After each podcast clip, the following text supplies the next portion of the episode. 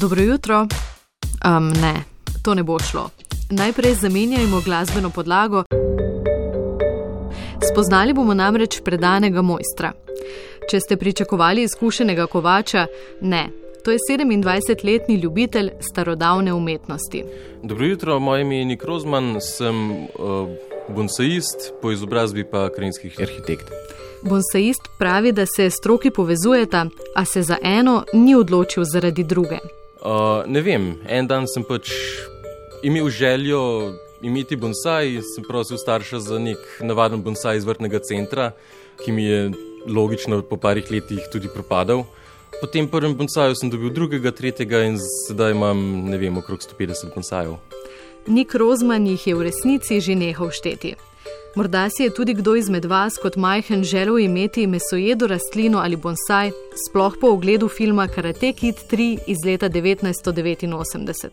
Mojster borilnih veščin Miyagi v enem prizoru svojemu varovancu Danielu pripoveduje, da je tako kot pri bonsaju tudi pri človeku pomembna notranjost. Močna korenina. Sigurno, mislim, da je ta film pripomoril na število ljubiteljev. Tako da, ja, tudi jaz sem gledal ta film, ko sem bil mlajši in sigurno mi je vzbudil to navdušenje nad rastlinami.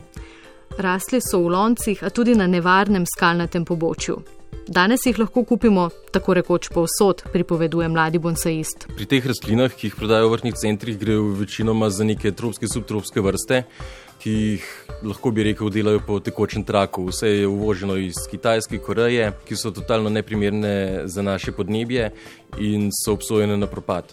Najlažje je pač iskati domače avtohtone vrste oziroma vrste, ki izhajajo iz podobnih podnebij in so logično najbolj prilagojene na naše podnebje. Zato je tudi vzgoja najenostavnejša. Pa jih lahko iščeš kar tako v gozdu?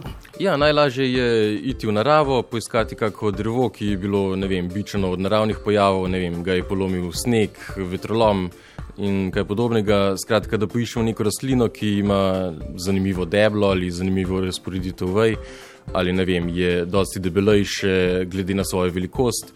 Uh, jo izkopljemo, upamo, da preživi in z tega postopoma oblikujemo bonsai. Gre za dolgotrajen in precizen proces oblikovanja razvajenih rastlin. Nik Rozman pravi, da si bonsaizem predstavljamo kot nekaj sproščujočega, pa ni prav nič sproščujoče, če v drevo vložiš nekaj let in na to propade. Ne vem, tudi sem že slišal primerjavo, da je imeti bonsai huje kot imeti hišnega ljubljenčka. A njega vseeno pomirjata delo in pogled na zdravo drevo. Pripoveduje, da se je bonsaizem začel na kitajskem v starih cesarskih vrtovih, ko so vladari želeli imeti pomanjšano naravo na dosegu roke. Ja, bonsaizem je, je umetnost, ki izhaja iz originalov iz Kitajske, Japonci so jo le dodelali, ampak se predvsej držimo teh japonskih pravil, se pravi, niso zaželena simetrija, ni zaželeno parna števila, da izrašča iz debla dve veji iz iste višine. Staja tudi stil, kjer napravimo tako rekoč gozdiček, se pravi več dreves v eni posodi, tam recimo ni zaželeno imeti parnega števila dreves v posodi in tako naprej. Krajinski arhitekt se nasmeji, ko ga vprašam, ali po končanem študiju ne teži k simetriji. Bonsaisti namreč iščejo popolnost v nepopolnosti. Tako kot vrhunski kuhari svoj nož, tudi on s seboj nosi posebne škarje in urodje žičenjem in obrezovanjem drevesa posnemajo naravne procese staranja in okoljskih vplivov.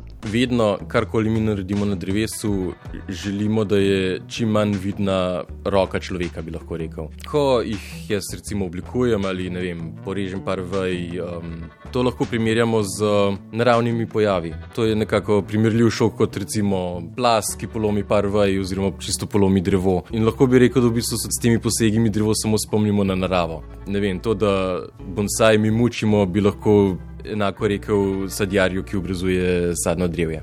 Pogosto je potrebnega tudi kar nekaj časa, da se les stara, da se skorja na grbanči, bi lahko rekel, oziroma da je sam videz drevesa bolj naraven, bolj postaran. Za tiste, ki radi končajo svoje delo, je bonsaizem najhujše prekletstvo. Bonsaji so, so žive, žive skulpture, bi lahko rekel, ne? nikoli je dokončano delo. Lahko se tudi zgodi, da se z enim drevesom ukvarjamo 5-10 let, pa ga enkrat pozabimo zaliti in propade. Prav to je njegovo zadovoljstvo, skrb in neskončne možnosti oblikovanja. Nik Rozman uživa v naravi, kjer opreza za novimi drevesi, naj si bo to mlada lipa, bukev ali smreka. Seveda, kot neka poklicna deformacija, vedno iščemo nek navdih v naravi, neke oblike, strukture, krošnje. Nik Rozman ima nenavaden koniček, s katerim bi se z veseljem kdaj tudi preživljal, a pravi, da je naš trg zato preprosto premajhen a vendar pogosto slišimo, da je pomanjšano drevesce lahko vredno tudi nekaj tisoč evrov. Tudi več, tudi več. Kar se tiče samih cen, obstaja ogromno nekih kriterijev, ki vplivajo na, na samo ceno. Ampak ja, recimo, dobimo od teh čisto poceni po 15 evrov do poznam primer čez milijon evrov. Na japonskem, kjer se že predvsej dlje ukvarjajo s, temi, s to umetnostjo, obstajajo primeri, ki, ki so jih začeli vzgajati že vem, pred drugo svetovno vojno. Ta drevesa so vzgajana sedaj že skoraj sto let, bi lahko rekli. Že samo to veliko vpliva na, na samo vrednost.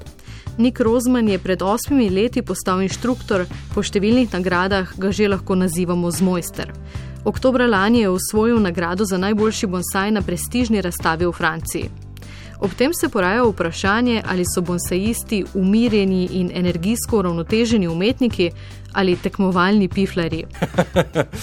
no, to, to mogoče ne bi rekel, da smo. Jaz nisem neka oseba, ki bi grozno filozofirala. Taka je resnica. Tako da za me so bonsaji pač samo nekaj, kar mi dela veselje, na čemer se rad ukvarjam. Obstaja pa, ja, sigurno ogromno nekih umetnikov, ki razno razne stvari filozofske iz tega ven potegnejo, s čimer se sigurno strinjam tudi, ampak jaz vidim v tem samo zgolj veselje do bonsajev, do narave. Končujemo brez duhovnega citata, da ne ustvarimo dolgočasne uravnoteženosti. Je pa bila tudi tokratna oddaja Liki porezana in pokrajšana, skratka, skoraj tako precizno oblikovana kot bonsaj.